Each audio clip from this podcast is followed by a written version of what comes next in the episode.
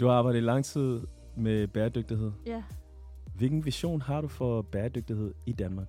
i bæredygtighed i Danmark? Øh, og det er et godt spørgsmål.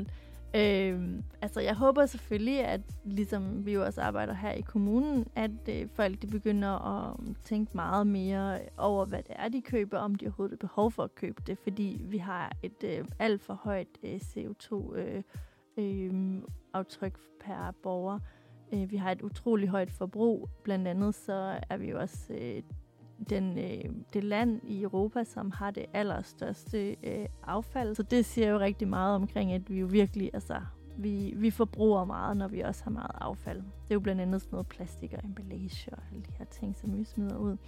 Øhm, så jeg håber virkelig, at øhm, folk de, de har et andet mindset, og de begynder at tænke sig mere om, og at også at øhm, blandt andet kommuner, så vi er jo i gang med, vi har jo et stort ansvar at, øh, at vi fortsætter på den her øh, rejse om at, øh, at blive mere bæredygtige og have mere bæredygtig forbrug og bæredygtig generelt.